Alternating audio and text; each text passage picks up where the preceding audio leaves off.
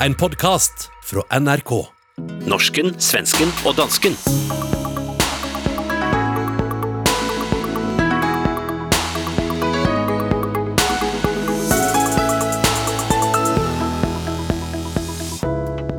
En svensk myndighetsperson rejste til Kanariøyene for at fejre nytår.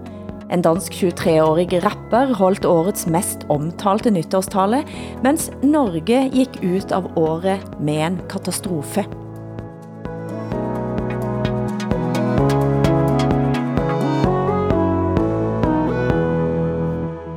Hjertelig velkommen til årets første runde med panskandinavisk familieterapi. Godt nytt år til danske, svenske og norske lyttere. Men hvordan har denne tiden været? Har det bygget sig op väldigt mycket at snakke om siden sidst også? Ja, det har det ju gjort såklart. Det har hänt rätt mycket. Och hur har du haft det? Jag har haft det bra. Jag har varit i Jämtland. Det har varit minus 23 grader. Ganska kallt kan man säga. Inte ens hunden ville vara ute så vi åkte hem. Og Hassan? Øh, jeg, jeg vil sige, for mit eget vedkommende, så er der ligesom sådan en splittelse, fordi jeg bor i et hjem, hvor der er meget fred øh, og ro, øh, og hvor tingene forløber ekstremt øh, harmonisk, som jeg faktisk aldrig har prøvet det før. Øh, men lige uden for mine vinduer, så synes jeg, at, øh, at vanviddet bliver øh, tiltagende større. Øh, ikke dag for dag, men time for time. Ja, og du var faktisk eh, ute en liten tur på nytårsaften. Eh, det gik ikke så bra. Nej, altså jeg, eh, jeg bor på Nørrebro i København, øhm, og jeg gik ned på gaden her uden for mit vindue med øh, min datter og hendes øh, fætter, som er på hendes alder, de 10 og 11 år, øh, for at øh, kaste nogle små knaldperler. Øhm, og, øh, og så fik jeg en raket i nakken, øh, og det var ja, og det var ikke engang hvad man kunne forvente, altså drengestreger, unge bøller fra Nørrebro, som øh, som provokerede eller udfordrede. Øh, det var simpelthen en familiefar, øh, som stod med sin kone og sine børn øh, og øh, og mistede kontrollen over sit fyrværkeri, øh, og det synes både han og hans familie var meget morsomt. Øh, så jeg, øh, jeg Så det lo av det rett og slett? Ja, så jeg, øh, jeg, jeg blev meget, meget vred. Til sidst måtte der komme nogen og bære mig væk. Ellers så var det en galt, ikke jo? Altså det var rett og slett i færd med at utarte og komme ut av kontroll? Ja, og, og momentet efter kom politiet, øh, 50 betjente, øh, som så anholdt en hel masse mennesker, fordi øh, der øh, kort efter var sådan en, foregik sådan en fyrværkeri, øh, krig mellem nogle mennesker i en bil og nogle mennesker i en lejlighed, hvor de sådan skød raketter mod hinanden. Mm-hmm. Men herregud, de danska tillstånden altså, det er jo... Du hører norsken, svensken og dansken. Programmet blir sendt i Danmarks Radio, Sveriges Radio og Norsk Rikskringkasting.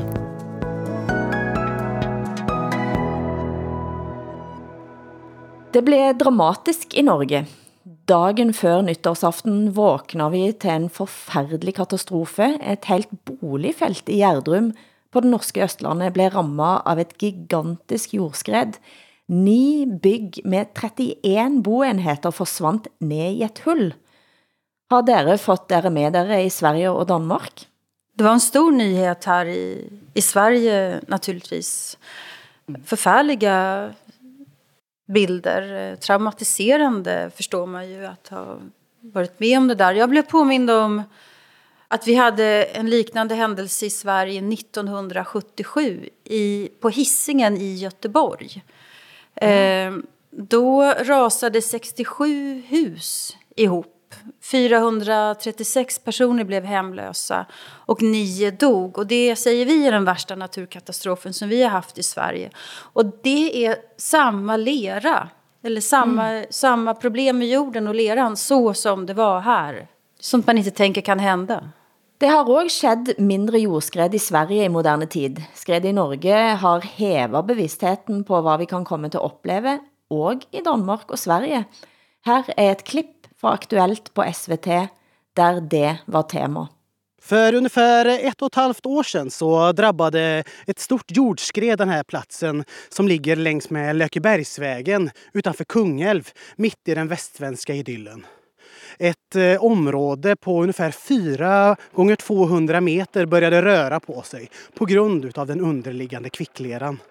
När leran utsätts för någon form av störning så eh, tappar den sin hållfasthet så att den blir i princip flytande.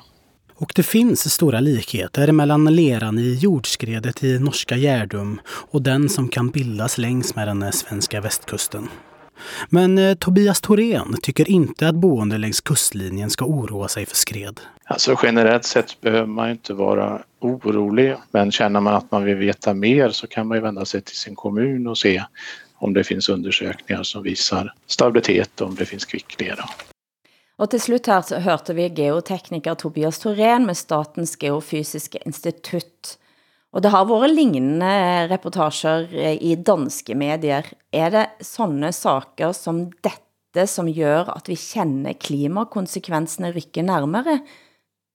Det, kan jeg ikke sige noget om. Altså, jeg, jeg, jeg troede jo lidt naivt, at vi i Danmark ikke er udsat for øh, den type naturkatastrofe, fordi Danmark er fladt som en pandekage, men nu hvor jeg øh, ligesom er blevet øh, konfronteret med den her sag på grund af de forfærdelige begivenheder i Norge, så har jeg jo været tvunget til at læse lidt op på det, og det viser sig, at vi i Danmark også har jordskred, altså i mindre kaliber, men øh, ret mange, og, øh, og der øh, er faktisk øh, øhm, øh, flere forskere, som peger på, at undergrunden er i bevægelse.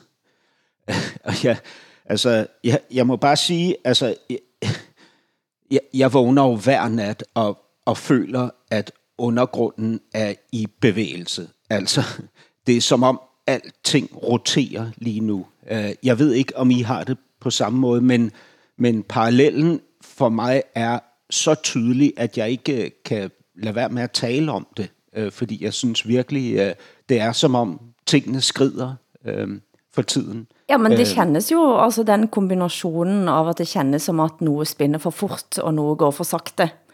Eh, og det fører jo ras med sig. Men også, midt under pandemien valgte generaldirektør for MSB, altså Myndigheten for Samhällsskydd og Beredskap, Dan Eliasson, at rejse på ferie hvor? Han drog til eh, Las Palmas, Kanarieøerne helt enkelt.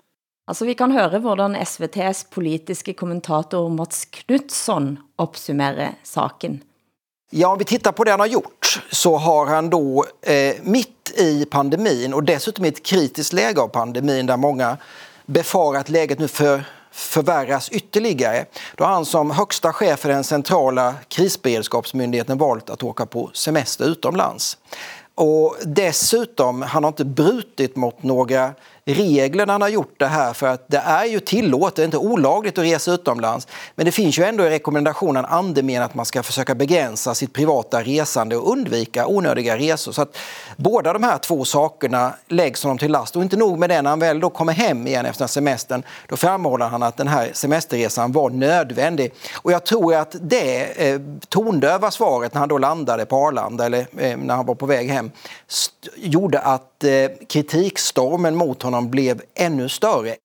Och vad skedde med Eliasson då han kom hem? Dan Eliasson avgick eh, självmant för att han förstod att han skulle få sparken. Så det var vad som hände. Alltså, vem är Dan Eliasson också? Ja, han är en, eh, en person som har gått från den ena myndigheten till den andra kan man säga. Han har varit på Migrationsverket, han har varit Eh, på generaldirektör för Rikspolis, eh, Rikspolisen. Försäkringskassan tror jag han har varit inom. Det har han också varit. Så att han har gått från en myndighet till en annan. Och jag tror att ilskan mot Dan Eliasson, det är en ackumulerad klantighet. Alltså han har gjort saker som inte folk hinner glömma bort innan han gör någonting nytt. För jag tycker man kan jämföra honom med Magdalena Andersson som är vår finansminister. Hon åkte till Åre och åkte skidor. Och är det något ställe som regeringen har sagt sagt, eh, och Folkhälsomyndigheten, det är att man inte ska åka upp till Jämtland och åka skidor. Eh, men hon gjorde det i alla fall. Men hon klarar sig med det. Det är ingen som, ingen som är arg på henne utan man är arg på Dan Eliasson. Och jag funderar på, det har att göra no med någonting med att vi svenskar reagerar väldigt, väldigt starkt när någon åker iväg till sol och värme. Det är palmer och det är paraplydrinkar tänker man och det är lättsinne och det är fest. Och då blir vi arga jämfört med om någon åker upp till kalla eh, Åre för att åka skidor. Då man, visar man ändå att man älskar Sverige på något sätt. Men det här är, han, han försvinner söderut och det tycker vi är dåligt. Men har det inte något med att import av smitte är den största, den största grunden till att smitten sprer sig, är att den kommer utomlands från? Jo, det blir det. Men, men eh, skidorterna, alltså skidanläggningarna uppe i Åre, de har varit stora mm. smitthärdar. Det är alltså Folkhälsomyndigheten och Myndigheten för samhällsskydd och beredskap som han har ansvaret för. Eh, regeringen har sagt att man ska inte åka upp dit. Men ja. Hassan, du lär du. Jeg sidder bare og tænker på det der med, det er jo, det er jo også, altså, selvfølgelig er der mennesker, som, som øh, øh, øh, altså overskrider reglerne og begår fejl, og, og, det, og det, det bliver jo nødt til at have konsekvenser, men det er også ligesom om, at der sker sådan en opdeling mellem nogen på hvem, til hvem sagerne klæber sig, øh, og nogen, der ligesom kan gå fri af både det ene og det andet. Og jeg har prøvet at spekulere over, hvad det er, der gør, at for eksempel vores tidligere udenrigsminister Lene Espersen på grund af sine rejser for 10 år siden øh, måtte forlade sin post som øh, udenrigsminister, og hvorfor det er, at, at andre kan få lov til at fortsætte i deres mm. positioner, selvom de øh, for eksempel begår øh, seksuelle overgreb eller, eller har sex med, med meget unge mennesker. Ikke? Øhm, det, det, er, øh, altså, det er meget, meget svært for mig at, øh, at forstå, hvad det er for en, hvad det er for en selektering, der ligesom sker. Ikke? Jag håller med. Och jag tänker också, Sverige är ju på många sätt ett land av angivare kan man säga. Vi älskar att fota och skvallra och berätta om att vi har sett någon som har gjort fel. Eh, vi, vi, vi älskar verkligen att moralisera över andra människor. Och jag försökte väldigt länge hitta något slags försvar för att Dan Eliasson hade gjort den här resan. Och det var när han sa att det faktiskt var mm. nödvändigt att göra den här resan. Eh, och då, då tänkte jag, han hade nog väldigt starka privata skäl faktiskt. Eh, men sen så finns det ingenting som tyder på att, att det var så.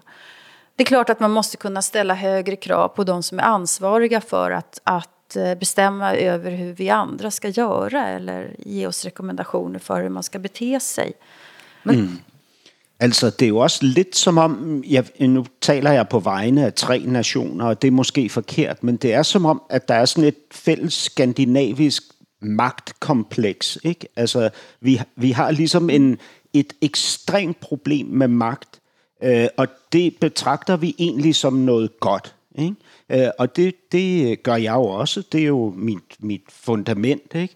Men, men det gør jo også, at jeg tror også, det gør, at der ikke er langt fra, øh, fra øh, virkelighed til konspiration. Øh, og jeg, jeg har altså nogle gange en fornemmelse af, at vi lever i nogle fælles øh, konspirationsteorier. Ikke? For eksempel har jeg en konspirationsteori, der hedder helt kategorisk, att makt korrumperar.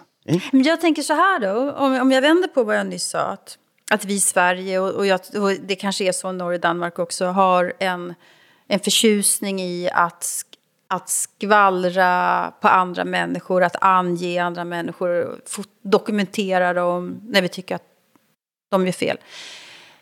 Det kanske är någonting som man gör i alla demokratiska länder. Eh, I diktaturer så kan man inte skvallra på makthavare. Man kan inte ange dem mm. därför att man kan råka illa ut. Men vi kan göra det i en demokrati. På, någonstans är det ju sunt också. Faktiskt. Ja, och så hänger det också samman med att eh, de socialdemokratierna som en faktisk är, är helt avhängig av tillit. Och helt avhängig av, och därför på en måte, alltså har jag likt jeg har likt den svenske eh, coronahåndteringen, fordi den har givet anbefalinger, eh, og fordi den har været åbnere, fordi at den, den har på et vis fordret at eh, svenskene var lydige, fordi de blev fortalt det. Sant? Og så mm. viser det sig, at de var ikke så lydige likevel. Visst. Men jeg liker jo den tanken om, at vi skal ha tillit, uden at det er noget, som står skrevet i en lov. Eh, sant? Eh, og det er jo kanskje derfor det blir lidt underligt, når man da, eh, som Daniel Liersson, eh, hopper buk over de anbefalingene man giver til alle andre. Ja, visst det så. Absolut. Men altså, jeg, jeg, for, min, for min del, jeg vil ikke ha en verden, der vi bare går rundt og skal ha en eh, vis orden på alt. Der er noget inde i mig også, som faktisk tænker, kør på i Dan Eliasson, rejs til Lanzarote. men, men det er også en profilert danske, som har gått fra sin position, men frivillig, Hassan. Hvad er det tidligere statsminister for Venstre, Lars Løkke, har brugt ferien til? Lars Løkke, den tidligere formand for partiet Venstre, som øh, for svenske og norske lytter jo ligger til højre for midten, øh, øh, og tidligere statsminister har forladt partiet Venstre øh, Øh, efter denne her, det her drama, der har været mellem den nuværende formand og hans næstformand Inger Støjberg, ikke? Øh, som handler om den her... Øh, sag med barnebruden og instrukskommissionen og, og det faktum, at øh, advokaterne nu vurderer, at der kan rejses en rigsretssag imod hende. Ja. Um, Men Hassan, du måste förklara för norska och svenska läsare, lyssnare lite mer. Vad är den här Inger har gjort? Inger Støjberg var øh, integrationsminister, og hun gav en instruks om, at barnebrudene skulle skilles fra deres mænd mm. konsekvent. Barnebruder. Ja. Altså barnbrud, aha. Ja, altså aha. Øh, unge, meget unge kvinder, der er gift med meget ældre mænd. Ikke? Forstår. Øh, at de, men, men problemet er, at hun gav en, en instruks om, at det skulle ske kategorisk, altså uden individuel sagsbehandling. Øh, det ligger der jo faktisk en, et, en lovovertrædelse mm. i, så vidt jeg forstår. Øh, I hvert fald så meget, at, at der er blevet rejst en advokatundersøgelse, som skal vurdere, om man ville kunne føre og vinde en rigsretssag imod Inger Støjberg. Og det har advokatundersøgelsen konkluderet, at det kan man. Og det betyder jo så, at hun bliver den, jeg tror det er den femte i, dan, i den danske historie. Vad Fordi, betyder riksrätt? Blir man det, avrättad med sabel? Eller? Nej, men vad är det för någonting? Det låter så otroligt dramatiskt. Jamen, det er det også, fordi det er jo øh, simpelthen staten, der anklager en minister for øh, lovbrud. Øh, ikke? Øh, så det er, jo, øh, det er jo meget dramatisk. Det er jo en henrettelse med sabel. Øh, på en måde. Ikke? Utrolig spændende. Men så har altså eh, Lars Løkke, for der på toppen så har du to personer, som Lars Løkke og Inger Støjberg har været de mest profilerte venstrepolitikerne. Ja, øhm, helt klart.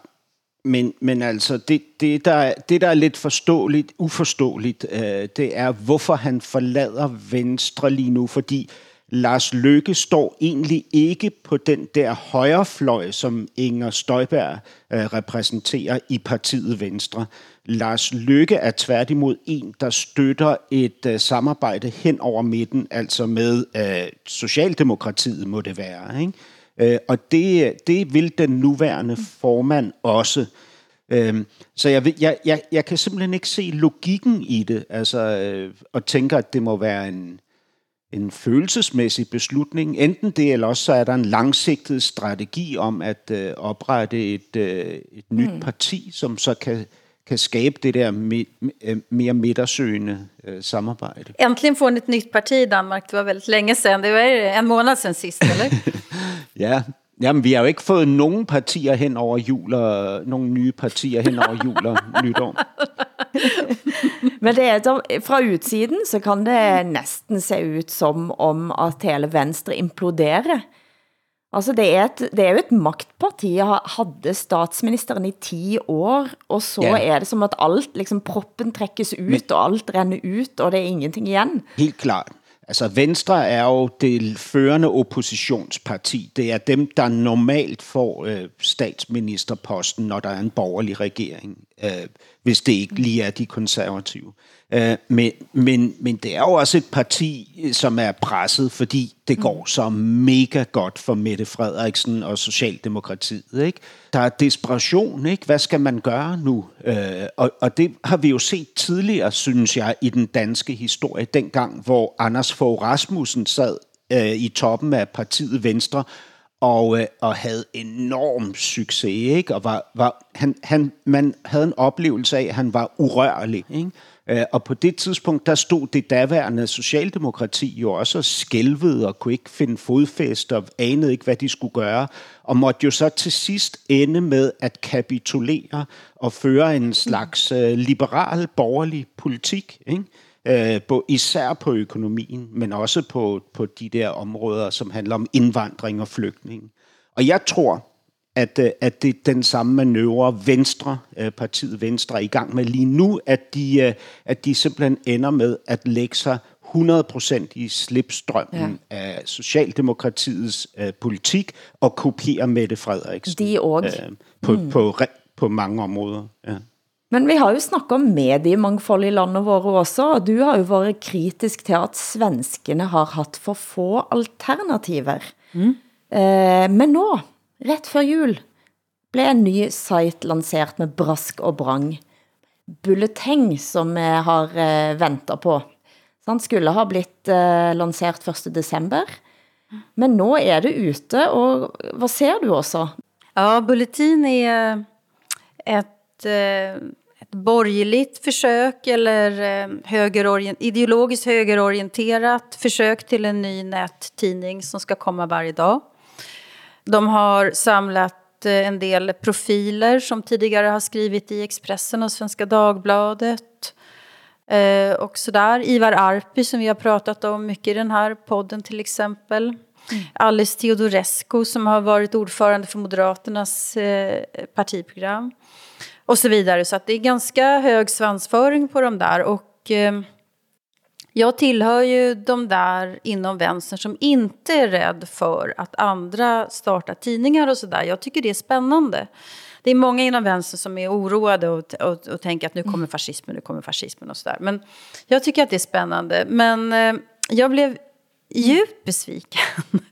för den är så, som vi säger på svenska, tråkig. Den är så eh, boring helt enkelt. Men vad man hittar då det är artikel på artikel på artikel om invandringen. Eh, vilket stort problem det är, om mångkulturen, vilket stort problem det är. Jag tillhör ju också då de inom vänster som tycker att man ska kunna prata om allt. Det där måste man, det, vi måste prata om det här. Eh, men de har ett överintresse skulle jag säga. Och eh, det blir väldigt monotont och tråkigt. Faktiskt, Men det är en kvinna bak, eh, Paulina Nöjding. Vem är hon? Ja, och gud vilken svår fråga. Eh, hon har funnits i svensk offentlighet i många år. Hon är konservativ tänkare skulle jag väl säga. Eh, driftig på att starta nya projekt. Och vad hon står ideologiskt är lite svårt att säga faktiskt. För att hon är lite hemlig med sina åsikter. Men, men helt uppenbart så är hon ju en av organisatörerna till att driva den svenska borgerligheten mer åt en riktning som är skulle jag säga att man ska acceptera Sverigedemokraterna som ett regeringsunderlag. Det är så jag tolkar det här projektet. Altså, man kan høre her Paulina Nøyding bli intervjuet av sin egen podchef og spaltist Ivar Arpi i podcasten Radio Bulletin om hvad avisen ønsker at være. Siger du forresten, for i Norge ville vi sagt bulletin, siger du bulletin? Vi säger bulletin och jag ska också säga att det här är ju, de retar ju den svenska vänstern från 70-talet som hade Vietnambulletinen och allt ah, det där. Okay. Och de vill liksom visa, det är, deras, det är deras tid nu att skapa eller ta över hegemonin. Okay. Men då hör vi alltså ett litet mm. klipp ifrån Radio Bulletin. I SVT Kulturnyheterna där du intervjuades så framställde medieanalytikern Olle Lidbom, Olle Lidbom Bulletin som ett symptom på ett mer polariserat samhälle. Eh, jag tyckte det var intressant att höra hur du ser på den beskrivningen. Mm, jag tror att Olle var mer försiktig än så. Han sa att det skulle kunna bli det. Det, det är kanske den vanligaste frågan jag får av andra journalister, eller den vanligaste insinuationen som jag har hört. Eh, och vår tanke är ju precis den motsatta. Vi vill ju göra en dagstidning som inspireras av eh, broadsheets i, eh, i Storbritannien eller Quality Press i USA där man skiljer väldigt tydligt på eh, news och views. Där man har då en, en politisk ledarsida och en neutral evidensdriven eller evidensbaserad eh, nyhetsdel och kulturdel. Mm. Jag, som, jag är journalist själv och blir lite provocerad när hon hävdar att andra medier i Sverige inte är evidensbaserade på nyhetsplats. Det är en, det är en provokation faktiskt. Men eh, det är klart, jag tycker också att det, hon har rätt i det Paulina, att svenska medier ofta bedriver kampanjer på nyhetsplats. Men jag skulle, alltså man, det är klimatkampanjer eller det kan vara eh, kampanjer för eh, vad, vad det nu kan vara. Mm. Eh, Metoo till exempel. Men, men jag skulle säga att eh, Bulletin på sin nyhetsplats driver ju en kampanj som har att göra med att vi måste bara förstå hur problematiskt det är med stor invandring eller med mångkultur. Och så. De väljer ju också sina nyheter. Så att allt, allt nyhetsarbete är ju selektivt. Man kan inte säga att det, fin- att det är någon vetenskap eller något objektivt som sker till 100 procent, för det är det inte. Alla har sina agendor faktisk. Men jeg må indrømme, for jeg har, jeg har jo fulgt flere av de skribentene, som nå skriver for Bulletin, eh, over lang tid. Eh, og med, sett herfra, sett fra Norge, så er det ikke så veldig radikalt i det budskapet de kommer med. Og jeg synes, når jeg da har læst, uh, eh, følt uh, eh, dækningen av bulletin etter den kom ut, så ser jeg at den bliver kaldt for en høgersite, for eksempel. Det er en ganske spids benævning. Jeg læser at Jonas Sjøstedt, nå er jo han Venstre sin leder, Venstre som jo er riktig på venstresiden i Sverige, som kalder det for blåbrunt. Mm. Et blåbrunt projekt. Mm. Eh, og en anpassning til rasisterna mm. och moderaterna mm. och kristdemokraterna. Mm. Og, og, når, og når jeg læser den type benævnelser, så känner jeg også at jeg, blir, jeg får lyst til at eh, begynde i bulletinen og skrive, for, altså fordi det er sådan det virker. Men det er jo ret vildt det der, altså øh, bemærker jeg nu her, når øh, jeg hører begreberne, der bliver brugt øh, til at beskrive det her fra den anden fløj. Man kalder det blåbrunt, øh, som jeg kan jo ikke læse det på en anden måde, end at blåt er borgerligt, og brunt er fascistisk. Ikke? Mm. At det, er jo, altså, det er jo vilde begreber at bruge. Altså, og der, der, altså det, det er jo også det, jeg ligesom sådan øh, synes, jeg fornemmer øh, generelt for tiden, det er, at man, øh, altså man, man gør alt, hvad man kan, og man, man vil faktisk bruge alle redskaber i værktøjskassen til at udskamme anderledes tænkende. Ikke? Og der er en permanent kamp omkring en eller anden form for abstrakt midte, altså ikke en politisk midte, men en neutralitet. Altså, vi står inde på midten i, på det fundament, som er det neutrale menneskelige fundament. Derfor er vi mere mennesker end de andre, som står ude i marginalen, og derfor indeholder en form for umenneskelighed. Ikke? Det är så sindssygt att det är den process där foregår. Ikke? Jag håller med och jag tycker, ju, jag tycker ju att det skulle vara spännande ifall de blir lite tydligare med vad de, de flesta där i alla fall, de mest drivande, faktiskt har för politisk agenda. För då, då, finns, då måste man träna mm. sina egna sanningar. Eh, och, och liksom tänka efter, men vad tycker jag själv då? Det är, det är ju det som är så himla spännande. Så jag längtar ju liksom efter att mm. de ska prata i skägget som vi säger på svenska. För det, det tror jag inte de har gjort än. Du hører norsken, svensken og dansken i SR, DR og NRK.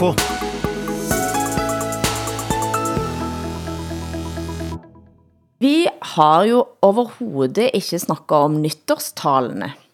Men den som har gått viralt, og i Norge i hvert fall, er hverken kongelig eller politiker, men en 23 år gammel artist, Tessa, som blev hentet i en primetime til Deadline. La oss høre et lite utdrag fra den danske hiphop-dronningens nytårstale. God aften. Jeg har fået æren af at holde nytårstalen efter lorteåret over Malle i et program, jeg aldrig har set. Tak for det. Når man ikke kan headline foran sit kernepublikum, så må man deadline foran nogle lidt andre typer, som muligvis ikke ved, hvem jeg er. Så til jer kan jeg starte med at fortælle. Jeg hedder Tessa, jeg er 23 år gammel, og jeg kommer fra Askerød i Hundi i den sydlige del af Blæstegnen. Jeg er professionel rapper, skydeskive og grænseskubber, og kendt for linjer som, var det Hassan, Vassim, glem hvad du hed, Vend dig om, sæt dig ned, ikke spil min tid, vis mig din pæk, kom nu, selvtillid, og linjer som, øh, holder ned og vendt rundt, Barbie rykker kend rundt, nu er du kun i centrum, når jeg sætter mig på den mund. Og mange andre lyriske genialiteter er samme poetiske skuffe. Og til svenske og norske lyttere, nytårstalen er altså en tradition i DR2 sitt program Deadline. Og her har tidligere professor i psykologi Sven Brinkmann, eller forfatter så Sara Omar, snakket og talt, men årets taler skilte sig lidt ut. Og hvordan er talen taget imod Hassan? Øh, altså det, det er jo det, der ligesom er så specielt ved det her program Deadline og Deadline-segmentet, som jeg jo også tilhører, ikke? som er, hvad kan man sige, den her øh, kulturelle øh, klan. Ikke? Øh, det er jo, at vi elsker jo den her øh, type optrædener, ikke? Øh, og, og nu vil jeg... Øh, altså, jeg, jeg, jeg, har, jeg har også udtalt mig om det her, øh, og, og røg ind i en mindre shitstorm på grund af det, fordi folk tror, at jeg kritiserer Tessa. Øh, det gør jeg sådan set overhovedet ikke. Jeg synes, hun er væsentligt mere cool end alle de mennesker, som deler det her og skriver Tessa for president og øh, øh, der kommer guldkorn fra Vestegnen og alt det der øh, bullshit. Ikke? Og, og jeg kalder det bullshit, fordi jeg mener, vi sidder her i vores glastårn, ikke?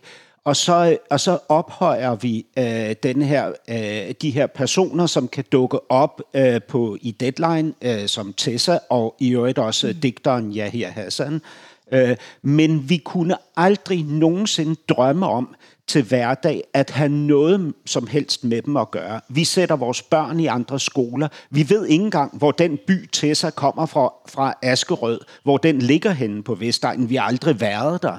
Øh, vi kører ikke med S-toget på den linje, der går forbi øh, uh, Tostrup og ender i Høje Tostrup osv. Øh, vi vi, øh, vi øh, dyrker ikke deres øh, produkter, deres kunst og kultur andet end som en fetish. Og jeg synes, der bliver sådan en, en ubehagelig form for eksotificering af det her. Altså sådan en, sådan en slags øh, moglig fantasi, ikke? at vi har fundet det her forældreløse barn ude i junglen, og nu tager vi det ind og beskytter det og lærer det at spise med kniv og gaffel. Ikke? Og samtidig så knuser vi det ihjel, fordi der er ingen mennesker som individer, der kan leve op til det pres, der ligger i, at man skal repræsentere en eller anden fantasi, som nogle godhedsmennesker har inde i deres hjerner. Ikke? Så jeg, jeg, jeg bliver lidt ulykkelig over det her. Jeg synes, der er et, et, øh, jeg synes det, det bliver sådan et alibi frem for noget ægte, noget, et, et oprigtigt ønske om sameksistens. Fordi jeg er så meget til sameksistens. Ikke? Jeg mener, vi kan lære ekstremt meget af hinanden fra øh, forskellige miljøer, klasser, grupper, klaner osv. Men også så du øh, talen til Tessa? Nej, det gjorde jeg faktisk inte. Men det är spännande att höra. Fordi det er jo en tale som ja. går ret i strupen på, øh, for så vidt, altså den går ret ind i hele MeToo-diskussionen, sant? Mm -hmm. Og hun siger veldig tydeligt, ja, jeg har også oplevet overgreb, men jeg skal få lov til allikevel at rappe om akkurat den seksualiteten, som jeg har, og jeg kan sige hvad som helst i det jeg synger, eller rappe. Og samtidig så alle dere forældre, generation som har alle disse MeToo-saker på dere. Hvad er det, dere holder på med? Altså, det er på en måde at vise fingeren til veldig mange på en gang, synes jeg. Ja, ja. Altså, jeg har, jeg har jo øh, venner, som har børn på alder med Tessa, ikke? De ville jo aldrig lade deres børn lege med Tessa, da hun var barn, og de ville aldrig lade deres børn gå i byen med hende øh, i dag, ikke? hvis de kunne have nogen indflydelse på det. Og det er der, jeg mener, hyggeleriet er for tykt til, at jeg kan holde det ud. Nej, altså G.T. Amiri, som eh, er spaltist i Ekstra Bladet, eh, skriver, det var igen underklassens børn, der skulle opføre sig som vilde dyr på savannen for Luciana-segmentet, som søger kulturelle berikelser. Det er også en ganske hæftig uh, eh, uttalelse, Hassan. ja, det er det. Altså, jeg kender jo GT ret godt øh, privat også. Det burde jeg øh, selvfølgelig deklarere, øh, inden jeg roser hende. Men jeg bliver jo nødt til at rose hende, øh, især fordi øh, hun ved, hvad hun taler om. Fordi GT er også blevet løftet fra underklassen og ind i deadline-segmentet og knust og klemt øh, næsten ihjel, inden hun øh, protesterede, øh, rev sig fri af det, trådte ud af den klike og blev øh, folkeskolelærer igen, netop ude på Vestegnen, hvor Tessa kommer fra. Ikke? Så hun, altså, hun ved, hvad hun taler om, Geti, når hun, når hun øh, udtrykker sin harme mod den her øh, falske kærlighed. Ikke? Men, men jeg synes, jeg, jeg reagerer også lidt, fordi jeg, jeg tænker også, at altså hvis man har en scene tilgængelig, hvis man har en platform tilgængelig, er ikke det da netop eh, en, et gode, at man kan hente ind stemmer, som er forskellige? På hvilken anden måde skal man få historier frem, lurer jeg lidt på. Jo, men, men jeg, Altså, jeg har sådan set ikke øh, angrebet eller kritiseret øh, redaktørerne, der har valgt at tage til sig ind. De skal jo gøre, hvad de synes, de skal gøre. Det her er jo selvfølgelig, øh, vil jeg tro, et forsøg på netop øh, en eller anden form for inklusion ikke? Altså, af andre stemmer. Det, det jeg adresserer, det er, at hvis man som borger, som medlem af den her øh, kulturelle overklasse i Danmark, øh, har øh, interesse, som man udtrykker nu, for andre stemmer. Hvorfor er det så, at man aldrig øh, lytter til de andre stemmer, eller omgås dem, eller lader sine børn have en relation til dem, eller øh, køber deres musik, deres øh, øh, litteratur, hvad ved jeg? Altså, hvorfor er det, at der ikke er en en, en hverdagsinteresse for det her. Hvorfor skal det være, øh, hvad hedder det, sådan nogle markeringer, som kommer til at ligne en, øh, altså en, en, sådan en, en betaling til et afrikansk faderbarn, ikke? frem for en reel øh, interesse for nogle mennesker, ikke? som jo er dybt kvalificeret, fordi de er mennesker med erfaringer og med fortællinger. Att framförallt att arbeta och bo tillsammans, att dela bostadskvarter och sådär. Det är ju det stora motståndet som finns. Ja, och så skolorna och skolan. Och skolan och alltihopa. Ja. Helt enkelt dela, dela liv tillsammans. Det är det som är det provocerande när det gäller såna här vi har ju såna här yttringar i Sverige också, att man kramar ihjäl plötsligt. Ja, men alltså det är en svensk rapper som har skapat De man egentligen inte vill umgås med. Ja. Förlåt? Ja. Nej, det är också en svensk rapper som har skapat överskrifter i, i det nya året.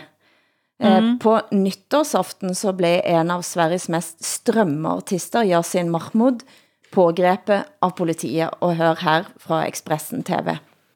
Han har firat stora triumfer som en av de hetaste artisterna i Sverige. Nu sitter Yasin Mahmoud häktad på sannolika skäl misstänkt för stämpling till människorov. En kidnappning som ägde rum i april förra året. Enligt uppgift till Expressen ska Yasin Mahmoud enligt polisens misstankar ha lurat en annan känd artist till en musikstudio som har koppling till kidnappningen. Yasin, som toppat Spotify-listan i Sverige, greps klockan 23 på nyårsafton. Rapparen är tidigare dömd till fängelse i drygt två år för grovt vapenbrott. Han har också suttit häktad i tre månader misstänkt för mord men släpptes den 20 mars 2020 och därefter lades utredningen ner. Han er altså sigtet for kidnapping, vold, men nominert til masse priser, og nu er diskussionen i gang. Og han er jo altså ingen hvem som helst i svensk musik, toppe Spotify. Eh, nominert til den jæve guldbaggan på P3, og hvordan ska vi förhålla oss till Yasin, menar du også? Ja, jag tycker ju att, att det finns ju de som tycker att nu ska Spotify rensa ut all, all hans musik och man ska aldrig få spela honom och sådär. Och då reagerar jag ju naturligtvis som konstnär själv eller skapande människa, att, eller demokrat bara. Att, att man måste skilja mellan en, en persons verk och person. Eh, så det är klart att man ska kunna spela hans musik samtidigt som man eh, utreder vad han har gjort och, och eh, lagför honom för vad han har, eventuellt har gjort. Eh, men det, så är det ju alltid. Författare, eller alla skapande, många skapande människor har ju, har ju problematiska liv helt enkelt. Mm. Tänker jag har ju själv eh, använt en en fransk filosof som heter Louis Althusser väldigt mycket. Han mördade ju sin fru. Fortfarande en, en tänkare som man kan inspireras av. Men Aftonbladet, der du har været eh, kulturchef, har mm. fått eh, sarkastisk kritik for at ha tidligere i høst har skrevet, man måste lyssna på Yasin. Eh, og det hænger jo lidt sammen med det, vi snakker om i stad. Stemmer, hvem hører man på, eh, hvem løfter man ind?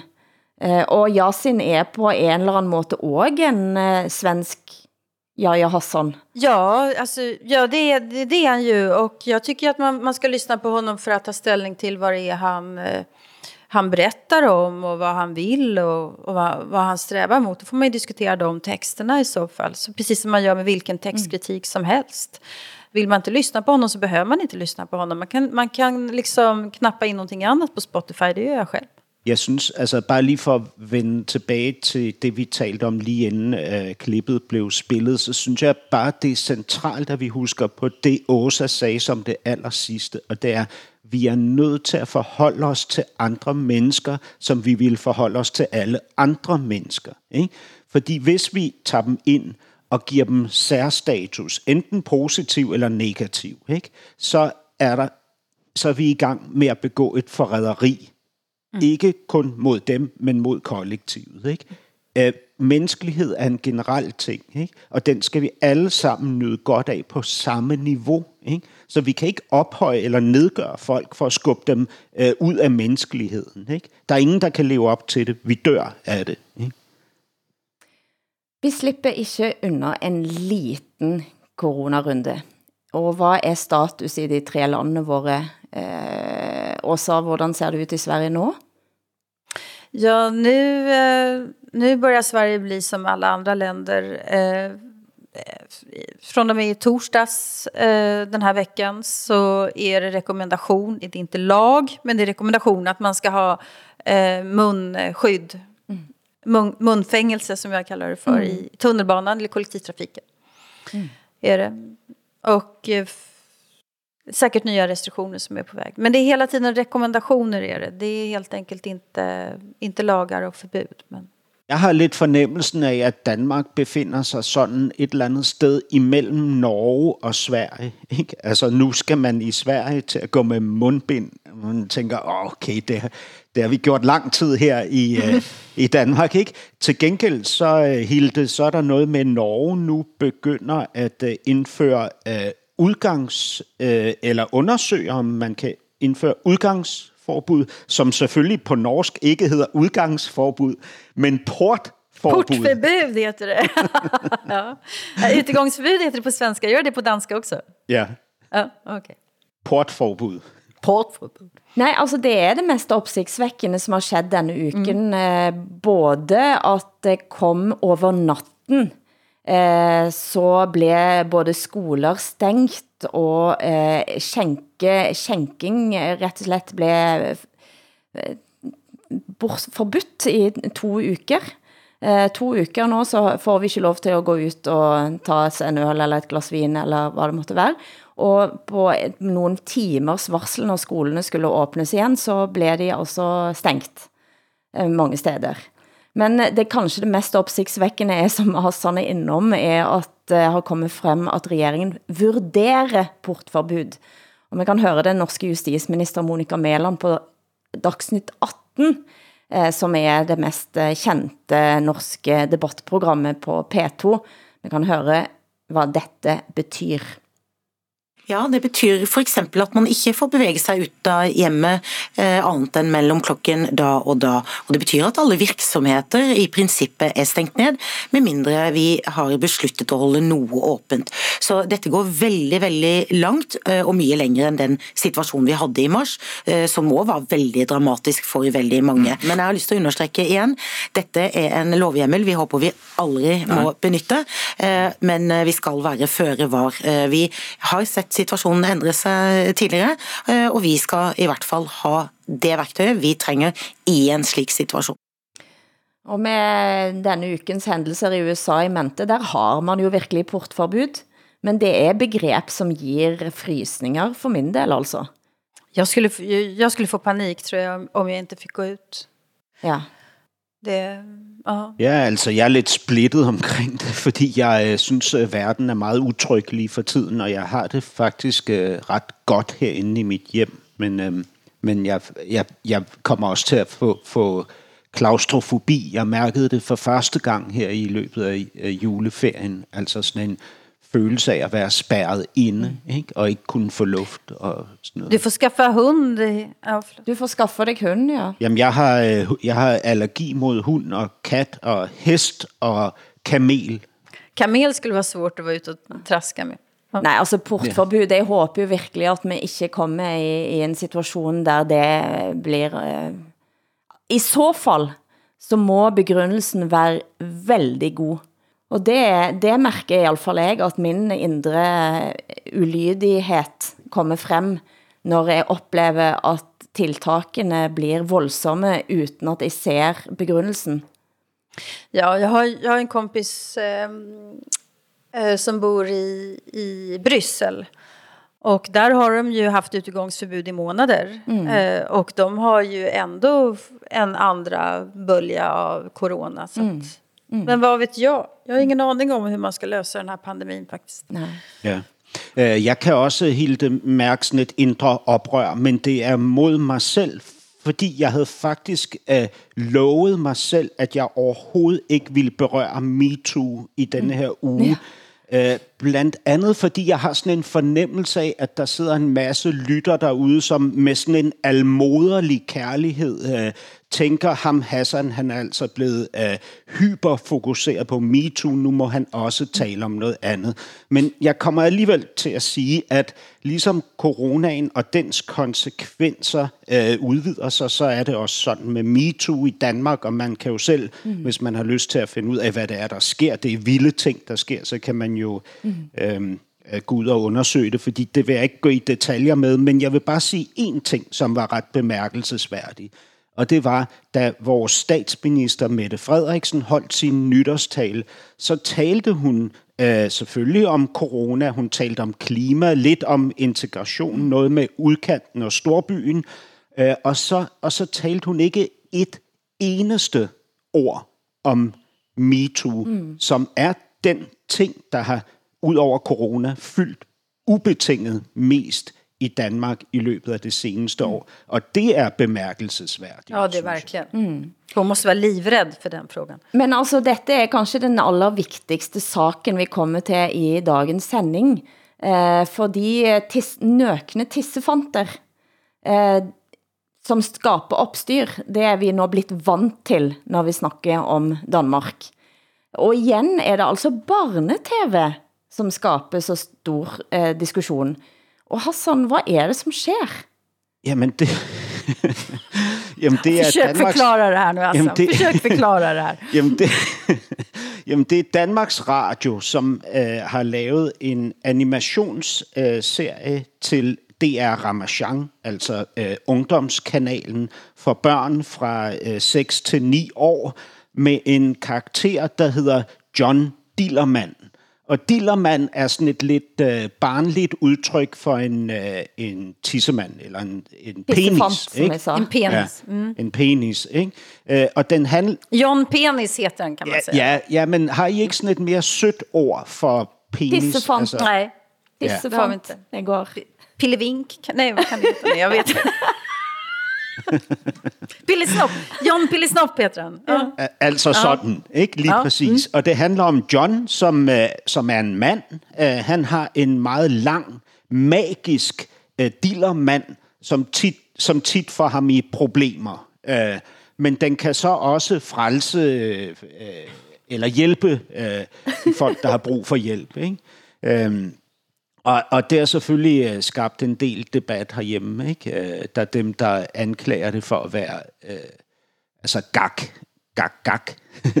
og så er der dem, der forsvarer det med, at, det er, at, at den her karakter har de bedste intentioner, og, og han lærer børn om fejlbarlighed og, og så videre. Øhm, jeg, jeg, har ikke, jeg, jeg har selv set et afsnit. Jeg synes faktisk, at formsproget er virkelig fedt. Øhm, det kan jeg godt lide.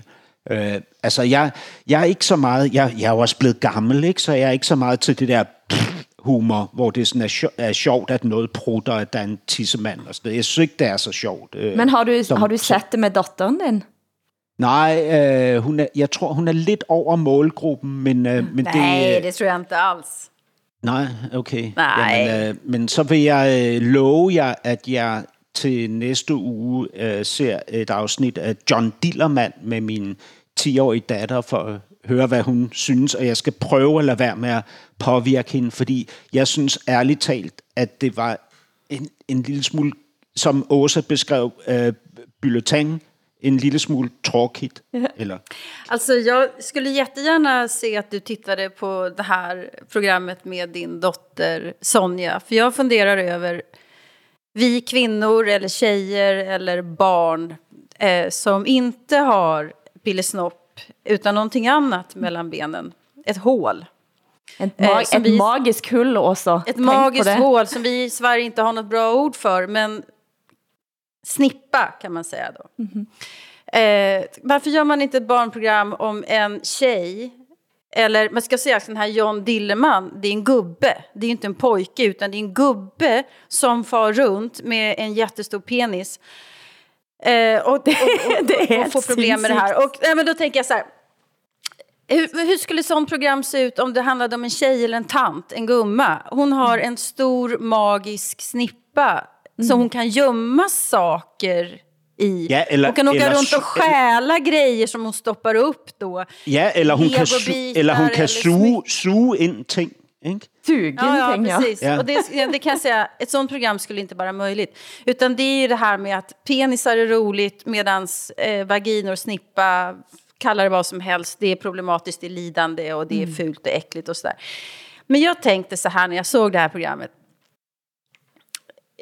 Som, som svensk så har jag ett väldigt stort förtroende för danskarnas eh, att, eller jag har respekt för danskarnas eh, sorglöshet inför allting. Och vi i Sverige är kända för att vi är den svenska synden. Det är liksom, vi är internationellt kända för det. Men vi är ju egentligen allvarsmännen i Norden. Och när vi pratar om, om eh, underliv och sådär, snopp och snippa, så är det att vi pedagogerna, allting är naturligt. En stor snopp är lika bra som en liten snopp och tvärtom, bla bla bla. Eh, och då tänkte jag så men det här programmet, det är inte pedagogiskt överhuvudtaget, utan det kanske ligger närmare barnens eget sinne. Liksom att man ska kunna leka liksom, med de här sakerna. Eller också är det så att barn faktiskt har ett allvarligt förhållande till sin snopp och snippa, eller i det här fallet snopp då. Eh, som, som, som vi vuxna då inte riktigt kan förstå, eller som danskarna inte riktigt kan, kan acceptera.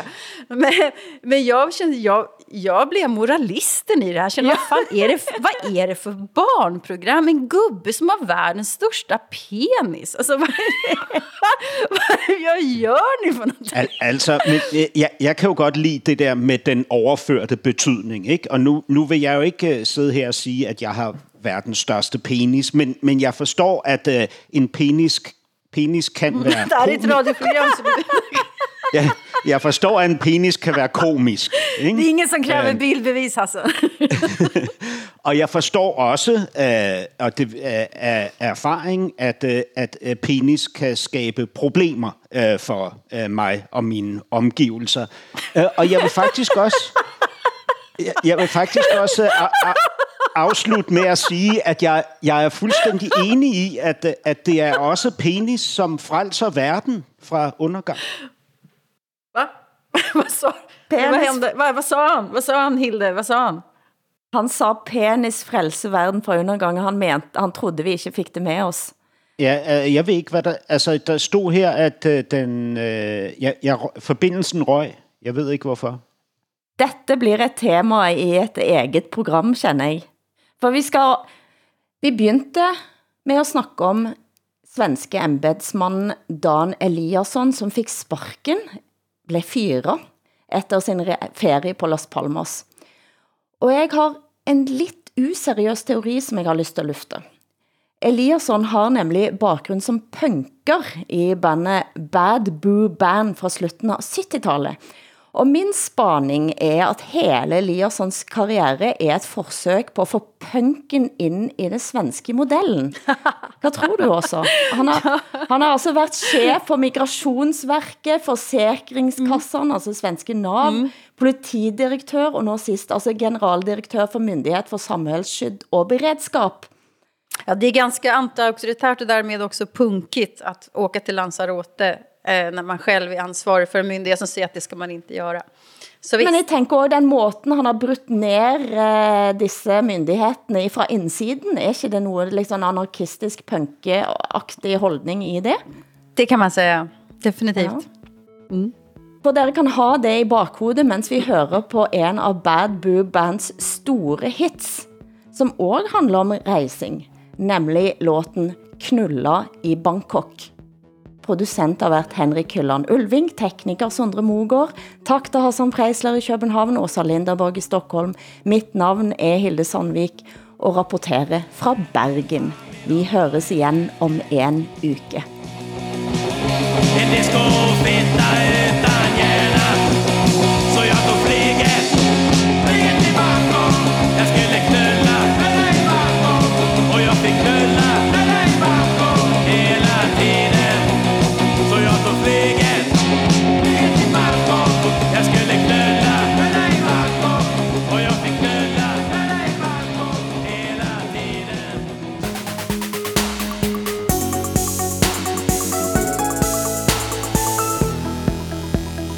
Du har hørt en podcast fra NRK. Hør flere podkaster og din favorittkanal i appen NRK Radio.